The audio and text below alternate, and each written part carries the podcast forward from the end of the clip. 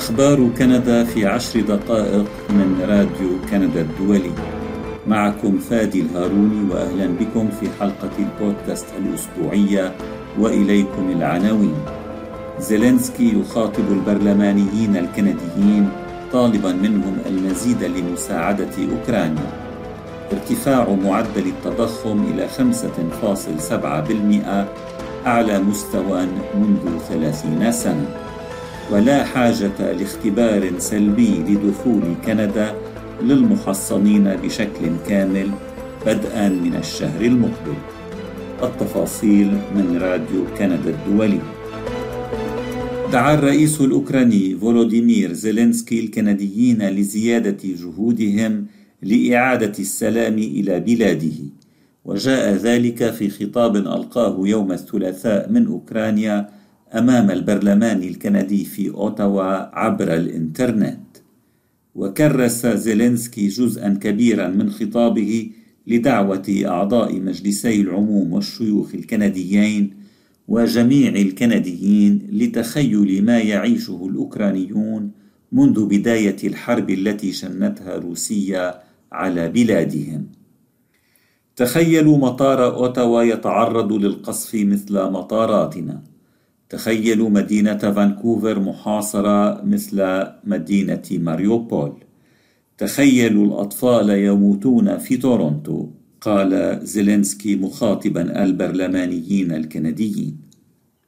كل ما أريد قوله هو أنه يتعين علينا بذل المزيد من الجهود لإيقاف روسيا وحماية أوكرانيا وحماية أوروبا من التهديد الروسي أضاف الرئيس الأوكراني. وطلب زيلينسكي مرة أخرى من كندا وحلفائها العسكريين أن يوافقوا على فرض منطقة حظر طيران فوق أوكرانيا. فخطوة من هذا النوع تمنع الطيران العسكري الروسي من قصف المدن الأوكرانية. جادل الرئيس الأوكراني مكررا ما يطالب به منذ بداية الغزو الروسي لبلاده في الرابع والعشرين من شباط فبراير الفائت. وترفض الدول الأعضاء في منظمة حلف الأطلسي ومن ضمنها كندا هذا الطلب قائلة إنها تريد تجنب مواجهة عسكرية مباشرة مع روسيا. ودعا زيلينسكي الجالية الأوكرانية في كندا لتقديم دعم ملموس لوطنها الأم.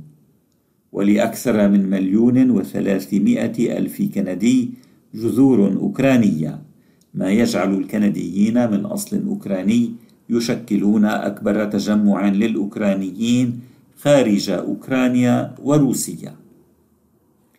وأشاد زيلينسكي بدعم كندا الثابت لأوكرانيا مشيرا إلى المعدات العسكرية والمساعدات الإنسانية التي قدمتها كندا لبلاده وإلى العقوبات الصارمة التي فرضتها على روسيا وقادتها. وفيما كان الرئيس الأوكراني يلقي خطابه أمام البرلمان الكندي نشرت الحكومة الروسية قائمة بأسماء ثلاثمائة وثلاث عشرة شخصية كندية باتت ممنوعة من دخول أراضيها. من بينها رئيس الحكومة جوستن ترودو ووزيرة الخارجية ميلاني جولي ووزيرة الدفاع أنيتا أناند. وقالت وكالة تاس الروسية الحكومية للأنباء إن بين الأشخاص المحظورين معظم أعضاء البرلمان الكندي والعناصر العدوانية المؤيدة لبانديرا. في إشارة إلى ستيبان بانديرا أحد دعاة استقلال أوكرانيا والذي تحالف مع ألمانيا النازية في الحرب العالمية الثانية. وكانت حكومة ترودو قد أضافت صباح ذاك اليوم أسماء خمسة عشر من كبار مسؤولي الحكومة الروسية إلى قائمة الأشخاص المستهدفين بالعقوبات الكندية ردا على قرار روسيا باجتياح أوكرانيا. من بينهم نائب رئيس الحكومة ديمتري غريغورينكو. هؤلاء الأشخاص غير المعروفين من عامة الناس سمحوا بغزو دولة مسالمة وذات سيادة ودعموا خيار الرئيس بوتين في ذلك قالت وزارة الشؤون العالمية في الحكومة الكندية في بيان. وفي وقت لاحق من هذا الأسبوع أضاف الكرملين أسماء جديدة على قائمة الشخصيات الكندية الممنوعة من السفر إلى روسيا ردا على العقوبات الكندية. أنت تستمع إلى البودكاست الأسبوعي من راديو كندا الدولي. واصلت الأسعار الارتفاع في كندا وبلغ الشهر الماضي معدل تضخمها السنوي 5.7% مرتفعا من 5.1% في كانون الثاني يناير كما أفادت وكالة الإحصاء الكندية يوم الأربعاء. وهذا أعلى معدل تضخم سنوي في كندا منذ ذاك البالغ ستة بالمئة والذي سجل في آب أغسطس من عام واحد وتسعين. والشهر الماضي أيضا ساهمت أسعار وقود السيارات في ارتفاع معدل التضخم السنوي. إذ ارتفعت بنسبة 32.3% عن مستواها في شباط فبراير من العام الماضي وبنسبة 6.9% عن مستواها في كانون الثاني يناير الماضي. ولو استثنيت أسعار البنزين لبلغ معدل التضخم السنوي الشهر الماضي 4.7% وارتفعت أسعار المواد الغذائية المشتراة من المتاجر بنسبة 7.4% في فترة الاثني عشر شهرا المنتهية في شباط فبراير الماضي مسجلة أعلى زيادة سنوية لها منذ أيار مايو 2009 وهذا الارتفاع مدفوع بارتفاع أسعار اللحوم وأيضا بارتفاع تكاليف النقل الناجم عن ارتفاع أسعار الوقود والذي يتحمله المستهلك في نهاية المطاف.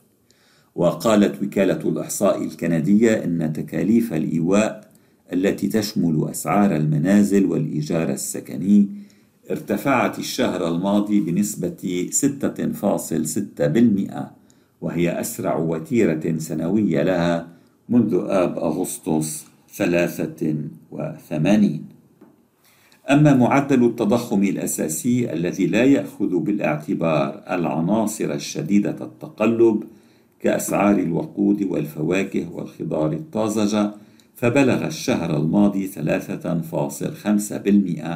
مرتفعا من 3.2% ويولي بنك كندا أهمية خاصة لمعدل التضخم الأساسي ويرصده لتحديد معدل الفائدة الأساسي.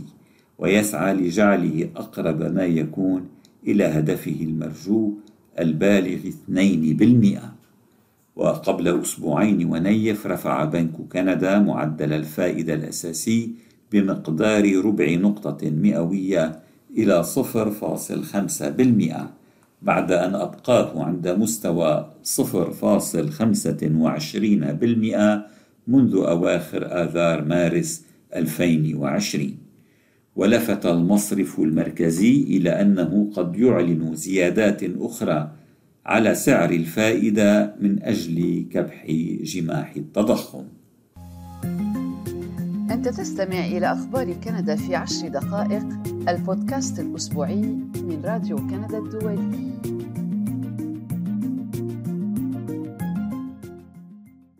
لن يحتاج من يريد زيارة كندا أو العودة إليها لإبراز اختبار سلبي للكوفيد 19 اعتبارا من الأول من نيسان أبريل المقبل.